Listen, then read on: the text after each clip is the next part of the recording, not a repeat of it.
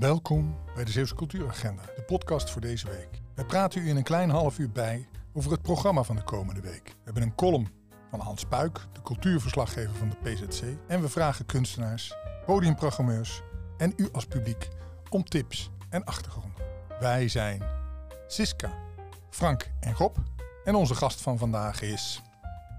Anna de Bruikeren. Welkom Anneke. Anna, sorry. Welkom Anna. Uh, dat is wel meteen veelzeggend hoor. Ik ben vernoemd naar een Anneke. En zij zei op haar sterfbed, een paar weken voordat ik werd geboren... Noem maar geen Anneke, noem maar Anna. Goed zo. Nou, we horen al met wie we te maken hebben. Een schrijver, speler, filosoof noemt ze zichzelf. He, je poëziedebuut was in 2020 voor permanente bewoning. Je hebt ook prijzen achter de rug. In ieder geval, je bent, was gedomineerd voor de uh, Poëziedebuutprijs en de Zeeuwse Boekenprijs. En je speelt heel veel eigenlijk muziektheatervoorstellingen. Uh, belangrijke waar we het vandaag over gaan hebben is de Rimpelingen, brieven uit Zeeland. En als spoken word uh, artiest maak je ook concerten. De Walvisvaarders, moet je niets vertellen, voor het Popmonument in Veren. Uh, dat deed je met cello. En met Christian Blaha heb je de Rimpelingen gedaan. Maar ook, als ik het goed begreep, dat verhaal ken je toch uit het Watersnoodmuseum. Ja, ja, klopt. Anna, dat is spannend vandaag. Een spoken word kunstenaar. Altijd uh, uh, spannend. De aanrader. Waar verheug je je op de komende week? Nou Anna, vertel mij eens, waar ga jij naartoe? Nou, ik um, wil heel graag naar de tentoonstelling van Vivian Soeter in, uh, ik weet niet of ik het goed zeg, maar in de Vleeshal in Middelburg. Mm -hmm. Een uh, uh, kunstenares die in Guatemala op een oude koffieplantage woont. En zij heeft nu in de Vleeshal een expositie ingericht met, ik geloof, 89 doeken. Hele grote doeken, wat ik op het promotiefilmpje in de website zag. Um, die je eigenlijk meenemen in, in ja, de elementen om haar heen. Um, Op de koffieplantage? Of. Ja, ja, ja okay. inderdaad. Um, en uh, nou ja, daar wil ik heel graag naartoe. Ook wat, wat me intrigeerde was eigenlijk dat Soeter blijkbaar voor elke tentoonstelling zelf in de ruimte gaat bepalen welke doeken op welke manier moeten worden opgehangen. Mm -hmm. Dus nou ja, ik ben benieuwd in wat voor wereld ze je dan, dan eigenlijk mee kan nemen. Um, en wat er ook nog loopt en waar ik wel al naartoe ben geweest, ook van de Vleeshal, is The Rooms of Now, geloof ik dat het heet. De zevende editie inmiddels al. En um, dat is nu in het oude Schuttershof Theater, in het oude filmtheatertje. Ja, ja. Um, hebben ze een Amerikaanse kunstenaar uitgenodigd, Hardy Hill, uit mijn hoofd gezegd. Um, en die uh, heeft in de. Hij heeft ook nog wat papierknipkunst uh, daar staan. Mm-hmm. Maar met name zo in de oude filmzaal is op het filmdoek, ik denk elk half uur of zo, een, ja, een uh, noem het maar een filminstallatie te zien. Mm-hmm. En er is eigenlijk geen beeld. Tenminste, er is wel beeld, maar dat bestaat uit tekst. Mm-hmm. En je hoort um, een hypnotiseur aan het werk. En je leest eigenlijk de gedachten van degene die wordt gehypnotiseerd. Oh. En het is zo ontzettend. Ja, het is echt heel maf. Het is heel spannend. Ja, en je staat daar dan te luisteren. Enfin, het duurde geloof ik bijna een half uur. Oh. Ik was daar, de, uh, we stonden daar in het donker en langzaam wennen je ogen aan het donker. Mm-hmm. En ga je steeds meer details eigenlijk zien van, van die oude filmzaal, die ik ook nog ken van toen ik, nou ik denk dat de cinema dicht ging toen ik puber was of zo. Um, en dus je, je staat daar en je gaat steeds meer ook details zien van zo'n filmzaal in verval. Want mm-hmm. nou ja, je kan echt nog veel herkennen. Um, en ondertussen uh, heb je te maken met zo'n stem die erop getraind is om jou eigenlijk in een bepaalde cadans en in een bepaalde mood. zelfverlating, in een bepaalde mood. mood te krijgen. Nou ja, het is fascinerend. En met hoeveel mensen sta je daar? Want het heeft ook altijd invloed. Ja, dat, um, nu wij gingen er naartoe. Het was in coronatijd, werd het beschouwd als een huiskamer. Maar mocht je dus, mochten er één of twee keer per dag max twee mensen binnen. Zie je zo weinig. Ja, ja, en dus dan sta je daar gewoon met z'n tweeën ja. in dan toch best een grote ruimte. Ja. ja. ja dat en dan ga, je, dan ga je naartoe als naar een museum? Of is het een voorstelling? Is er een bepaalde tijd dat je er naartoe moet? Of, uh... um, voor zover ik weet is het nu in principe gewoon doorlopend geopend. Dus hmm. terwijl het nog lockdown was, ja. moest je een afspraak maken. Maar volgens mij is het nu gewoon doorlopend geopend. Voelt het niet als een soort voyeurisme? Ja. Dat, dat je daar gaat staan en dat, dus, dus dat er iemand aan het hypnotiseren is en dat je dan denkt van hé, ik zie nu wat die ander denkt. Dat is het is een soort, je zit bijna in een therapiesessie van een ander te kijken, of niet? Ja, ik vond het bij Vlagen erg ongemakkelijk. Ja. Ja. Ook omdat ja, je, je gaat niet helemaal mee in de hypnose eh, suggesties. Ehm, zeker dus ook omdat je eh, weerstand biedende gedachten op dat scherm krijgt. En ook jeugdherinneringen die dan soms ergens naartoe lijken te leiden en dan ineens zo gewoon doodlopen. Dus je, ja, je kan niet helemaal mee in die suggestie, gelukkig maar, want het zijn ook ja, best wel eh, nou ja, gewelddadige eh, suggesties. Ehm, maar ja, je staat daar. En wat is nu eigenlijk jouw rol dan op dat moment? In de, ja, je bent inderdaad een soort vailleur. Dus het is, het is ongemakkelijk tot en met. Ja, ja. Heb, heb je het idee dat die afstand bewust gecreëerd eh, wordt om te voorkomen dat er, eh, om eens te zeggen, maar ongelukken gebeuren? Stel, je publiek eh, wordt deels of helemaal gehypnotiseerd. Dat, dat kan erg vervelend uitpakken. Ja, eh, dat is eigenlijk wel een goede vraag. Ik, ehm, ik denk dat het niet de intentie is geweest echt om dat publiek te hypnotiseren, maar dat het echt gaat om in beeld brengen eh, hoe, je, hoe je weerstand biedt en zo. Maar, Ja, precies. En dan heb je dus beide nodig. Dan heb je zowel de, de neiging om gehypnotiseerd te worden nodig, als het verzet daartegen. Ja. Dat Ja. is dan een, een soort evenwicht. Nou, we gaan allemaal kijken. Boeiend. Dat is toch, eh, dat is toch eh, heel bijzonder eigenlijk, hè? Zo'n eh, zo'n eh, sessie in het, in het oude filmhuis. Ja. En nou, dan kunnen we ook nog naar de vleeshal. Dus dat is eigenlijk een, een dagje Middelburg. Yes. En Frank, we gaan met jou door. Eh, wat, is, eh, wat is waar jij naartoe gaat deze week? Ja, we komen eh, opnieuw in de bioscoop terecht. En eh, eh, ik vond het leuk dat je zei een, een, een, filmzaal die in elkaar aan het vallen is. Eh, ik, ik, dus mijn suggestie is om eh, allemaal naar de film te gaan, naar een film uit 1953. Het gaat om eh, de film Tokyo Story van eh, Yasuhiro Ozu. Volgens eh, velen de belangrijkste Japanse filmregisseur eh, die eh, er geweest is. Zijn film Tokyo Story eh, vertelt eh, in, prachtig zwart-wit, ge- in prachtig gestileerde zwart-witte scènes eh, het verhaal van een ouder echtpaar dat naar de grote stad gaat om daar onderdak te vinden bij hun kinderen. Maar wat blijkt, in de jachtige wereld van na de oorlog zijn de kinderen allemaal bezig met hun eigen leven en hebben eigenlijk helemaal geen tijd om op traditionele Japanse wijze hun ouders op te vangen. De enige die dat wel doet, is eh, de eh, schoondochter van het eh, oudere echtpaar, die met hun zoon getrouwd is geweest. De zoon is overleden. Zij is, zij is overgebleven zij, en zij ontvangt haar schoonouders. Zij, zij neemt in feite de rol op zich die het kind zelf zou moeten. Wat is dan de boodschap? Is het eh, dat, dat er maar één iemand overblijft die nog voor ouderen zorgt? Of, eh, Nou, het is, een, het is een reflectie op de Japanse veranderende samenleving op dat moment. Eh, wat ik zelf eigenlijk belangrijker vind, is de vorm die, de, die Ozu kiest voor zijn vertelling. Die is, zoals ik al zei, heel erg gestileerd.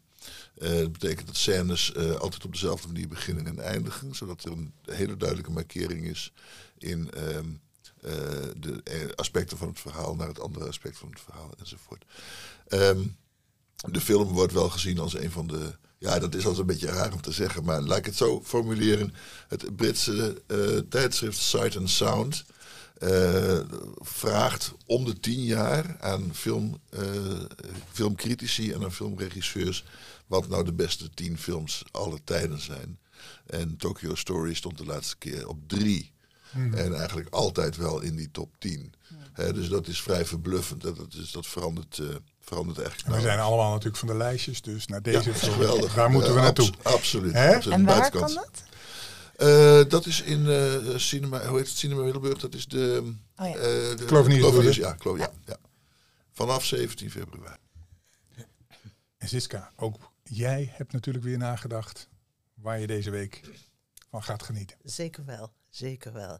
En ik wil heel graag op 25 februari naar Terneuzen, naar het Scheldetheater.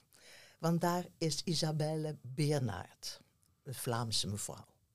Een Vlaamse choreograaf. En ze is wel heel bijzonder. Ik moet even vertellen, voordat ik over haar stuk praat.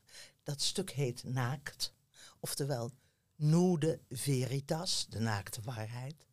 Maar ik moet even vertellen hoe zij eigenlijk als jong meisje, acht jaar in, in Kortrijk geboren, zo jong ook voelt dat ze haar ziel voelt gaan naar die dans en dat ze een soort oerkracht voelt. Dus op de achtste gaat ze naar het Koninklijk Ballet van Vlaanderen. Dat werkt in de uiterste perfectie. Een pirouette is een pirouette, is een pirouette. En je kan het niet meer uh, iets anders doen. En hetzelfde is als je je voet strekt, moet die voet gestrekt zijn in de perfecte manier. En niet een beetje anders. Zij werd toch een beetje gek van al dat perfectionisme. En zij ging dus andere dingen zoeken. Ze ging moderne dansen. Ze is bij Graham geweest, bij Cunningham, bij Limon. Alle grote moderne danspedagogen ook heeft ze bezocht. Maar ook de etnische dans is ze gaan. En ze komt natuurlijk ook bij de hip-hop uit. En dan voelt ze dat ze met haar dans iets wil vertellen. En niet in dat eindeloze perfectionisme wil blijven zitten. Want het is nooit goed genoeg. En ze wordt daar gek van. Van waarom is het nooit goed genoeg? En nu maakt ze een taal die het publiek kan begrijpen. Ze maakt bewegingen die we allemaal een keer doen of zien. Dus als je kijkt, voel je je betrokken. Want je ziet dansbewegingen waarin je meteen een identiteit voelt. Of je hebt een gevoel daarbij. Uh, en ze is heftig hoor, in haar gevoelens. Dus uh, je gaat niet naar een allemannetje, ah, zeg maar een alledaags iets. Het is echt heel sterk. Het is niet voor niets dat ze natuurlijk ook zat in So You Think You Can Dance op de televisie. Mm -hmm. En zij heeft gewonnen de Ultimate Dance Battle. Dus daar moest zij met jonge mensen choreografieën maken en die heeft ze gewonnen. Mm Dat betekent dat ja, een enorm groot publiek haar werk heeft gezien. En ook daar was ze zelf, ik heb dat gevolgd omdat ik er heel interessant vind. Mm -hmm. Daar ook was ze in haar emotionaliteit. Ik heb haar zien huilen, ik heb haar zien schreeuwen. Ik heb haar... Maar ze werkt heel erg met de mensen die ze voor zich heeft. Dus met deze mensen ook. Dus ze kan niet alleen met de perfectionisten uit het klassiek ballet werken. Ze kan ook met mensen werken die gevoel hebben voor beweging. En daar gaat het eigenlijk om. Nou, in dit nude, of ik bedoel naakt, gaat ze uit van waar, waar staan we eigenlijk? Wat is het als ik aangekleed ben, als ik uitweg? Hoe is het als ik dans in zwart en hoe is het in licht? Ze zoekt al die contrasten. En dat voelt ook heel erg dat ze dat moet zoeken als je weet waar ze begonnen is op achtjarige leeftijd en hoe ze nu choreografeert. En ja, ze heeft een soort the beauty of the imperfection heeft ze nu tot zich eigen gemaakt. Ik denk dat voor iedereen het is Ga er naartoe en je gaat het voelen.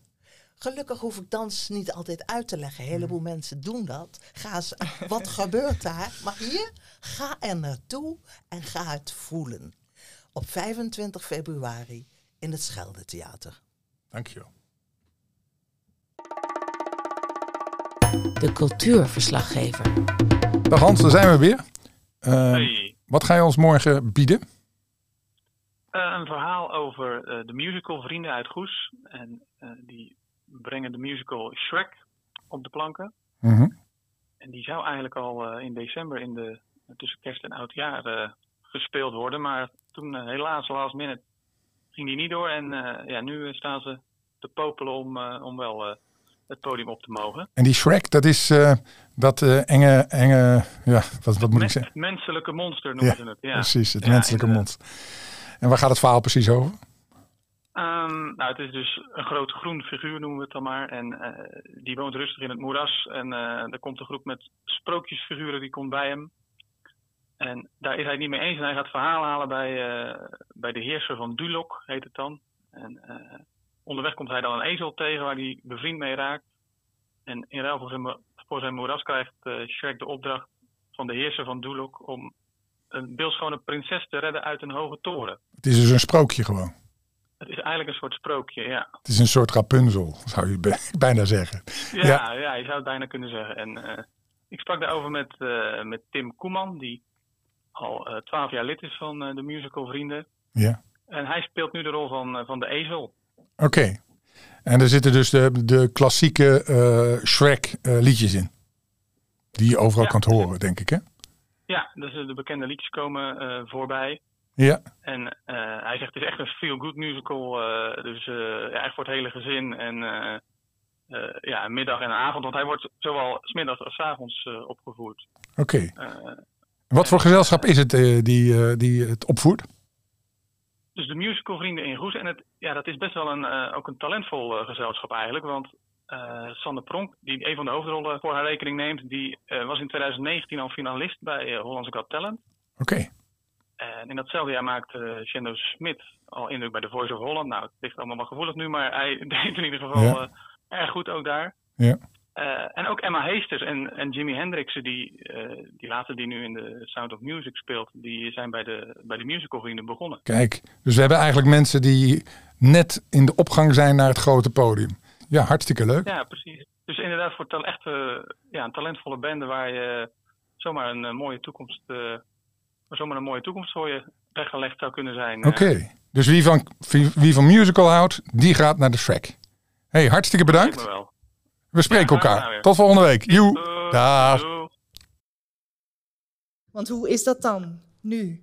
Om nu oud te zijn, in die lente van 2020, om te leven als beschermde diersoort. En we gaan brieven schrijven. Met Hans. En met Joke. En met Theo. En met die meneer uit IJzendijken, wiens naam we eigenlijk niet goed konden lezen, maar zijn adres wel. Dus hopelijk heeft de postbode toch ons antwoord weten te bezorgen. Hoe dat is om nu oud te zijn. En je kan het natuurlijk al raden, ik heb er mijn oma niet mee teruggekregen. Ik wil nog steeds dat ze er is. Anna, wat hoorden we nou net?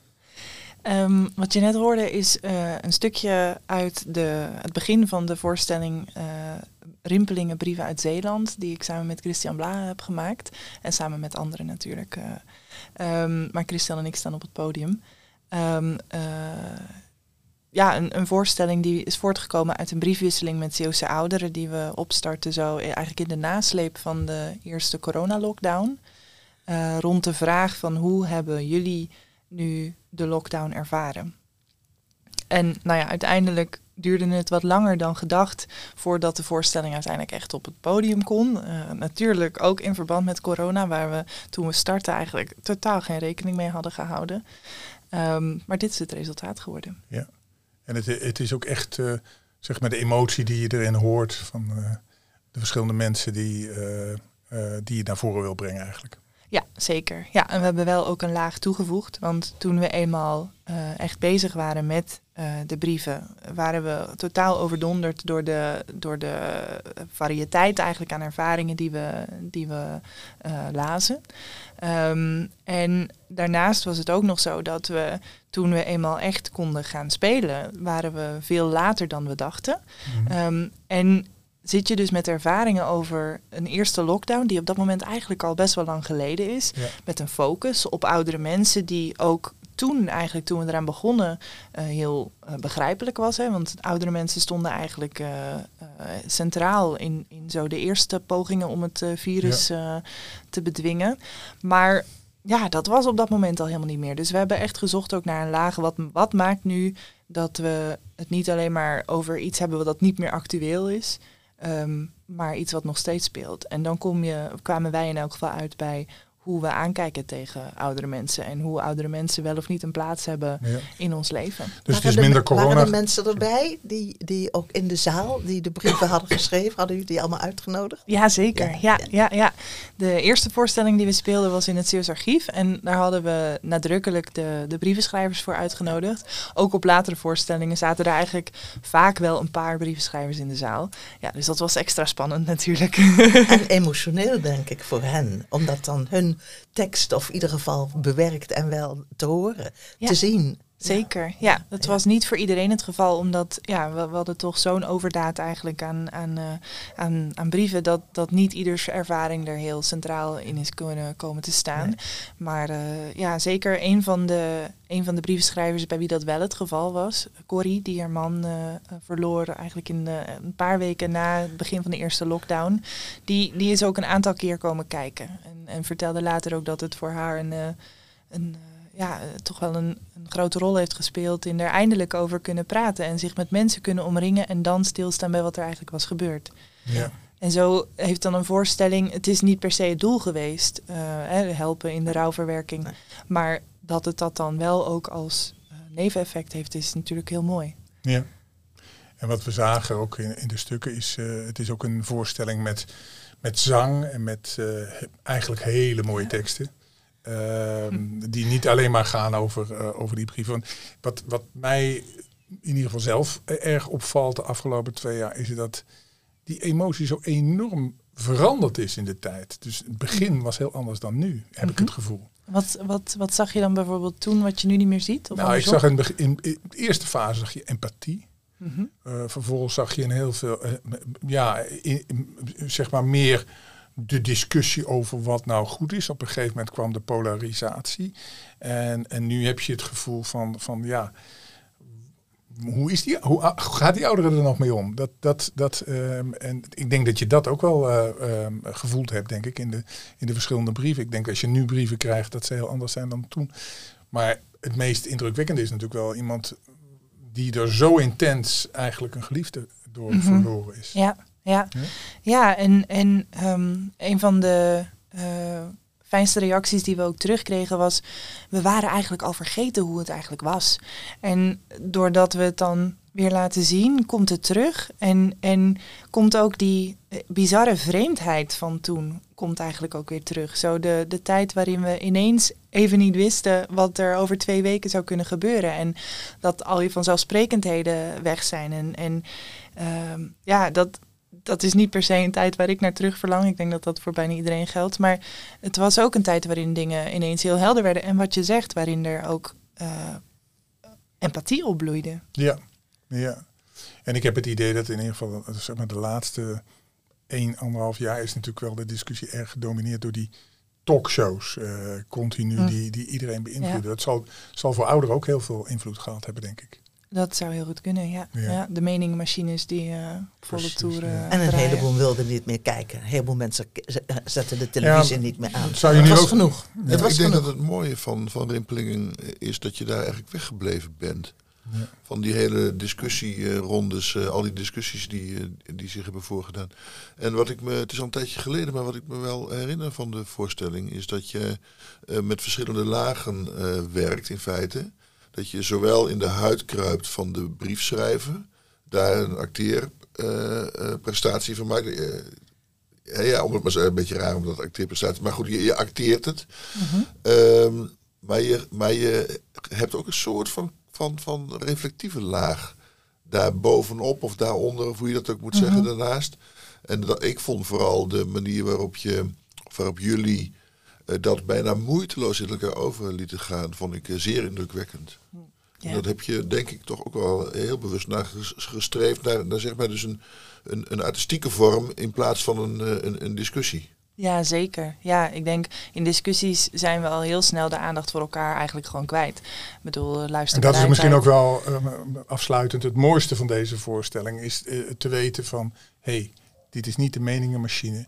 Dit is een creatieve manier om terug te kijken op een hele ja, ingrijpende periode voor een heleboel mensen. En, die dan, en, toch, en waarbij je toch naar de emotie gaat. Ik vond, ik vond het een hele mooie voorstelling, juist omdat je de combinatie hebt gevonden tussen de, de, de artistieke vorm en de emotie. Ja. En dat is heel knap. Kunnen we het nog zien, Anna? Um, ja, in Hulst uh, op 9 maart uh, is er een avond waar we een stukje van de voorstelling laten zien. En uh, we zijn nog her en der in gesprek, ook elders in de landen, om, om een ja, reprise te doen. Ik ja. hoop het ook. Ik hoop het ook. Ja, dit, dit is echt je bent van harte welkom. Ja. we houden het in de gaten en in ieder geval kan je terugvinden in de Zeeuwse cultuuragenda natuurlijk. zeg, dat is geen, dat is geen anderhalve meter hè? Dat zie je toch? Uh, sorry hoor, maar dan, ga je ook nog terugpraten als je een keer iets wordt gezegd. Als jij er niet tegen kan dat er mensen. Nee, dan blijf jij maar gewoon thuis. De vloedlijn wacht op ons. De golf komt dichterbij. We verliezen alle land zo stil, zo klein. Maar die meeuwen blijven zingen het water altijd vinden. Soms stort er eentje uit zijn nest. De dieren weten het best. Dat golven blijven komen, water moet er stromen. Blijven dromen, blijven dromen, maar weet je dan niet. Elke week doen we natuurlijk ook iets aan de musea. En Siska heeft voor ons weer een expositie bezocht. En dit keer in het Zeeuws Museum resetten, Reused, reused zetten. Het resetten. Het zijn twee woorden. Reused, resetten. Oh, dat is met die mooie poster. Precies. Eh, ja, het, het is gelukkig is die, is die lang nog, dus iedereen kan hem gaan zien. Deze, het is een onderdeel natuurlijk van het Zeeuws Museum. Ze hebben veel meer, maar ik heb me geconcentreerd op deze, dit onderwerp. En ik was verbijsterd.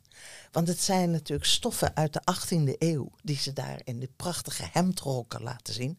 Maar daar is dus een onderzoeker, een textielonderzoeker aan de gang gegaan. Zij heet, zij heet Remy Veldhoven. En die heeft dat onderzoek gedaan. Hoe is dat nou gemaakt? Hoe was die wol? Hoe is dat geverfd? En al die processen zie je. Dus je ziet ook bijvoorbeeld, want natuurlijk alles werd in die tijd geverfd met natuurlijke stoffen. Met de bloemen, de uien, de bietjes. Alles in die. Maar dan heb je een eerste verfbad en dan heb je een vijfde verfbad. En dan zie je al die schakeringen van al die wol. Maar ook nog, alle woldraden zijn verschillend. Er zijn woldraden die rekbaar zijn en er zijn woldraden die strak zijn. En welke zijn nu gebruikt? Je weet niet wat je ziet. En ook die filmpjes, die makers, die allemaal zo bevlogen zijn. Alleen naar zo'n mevrouw te kijken die over die woldraden vertelt. Ja, ik ben elke keer gefascineerd door mensen die voor iets zo gaan. Dus ik heb daar genoten. En dan zie je dus ook die nieuwe makers. Die gaan kijken hoe krijgen we dat damast nu ook gemaakt. Dus er zijn mooie, prachtige nieuwe lappen. Die hebben nieuwe eh, ja, modeontwerpers dus eh, ter hand genomen. En dan het derde wat daar is, wat heel belangrijk is, is de aanklacht tegen de textielindustrie nu. Alles moet snel, alles moet goedkoop. Morgen koop je weer een nieuw t-shirt, morgen gooi je je spijkerbroek weg. Terwijl als je zo'n jasje, zo'n hemdrok zou willen kopen, en het leukste is nog dat dat die heren waren die dat droegen, met die prachtige patronen.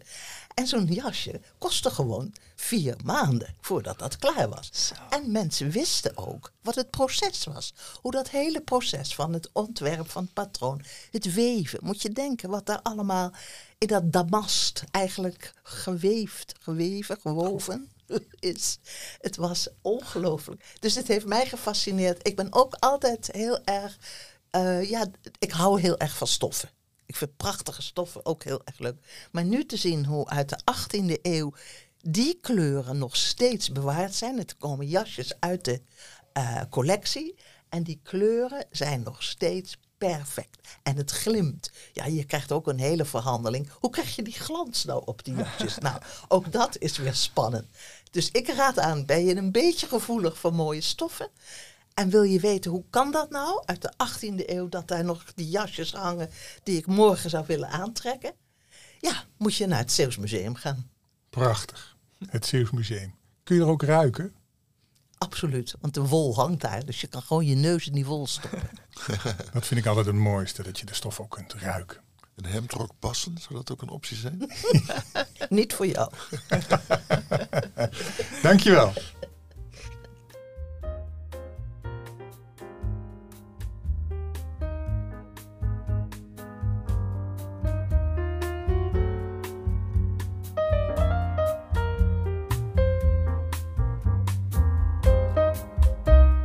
Dat was het weer. De cultuuragenda voor deze week. We danken onze gast Anna de Bruikere. We hebben veel pret gehad met het maken en we hopen u volgende keer weer te zien. Dank voor het luisteren.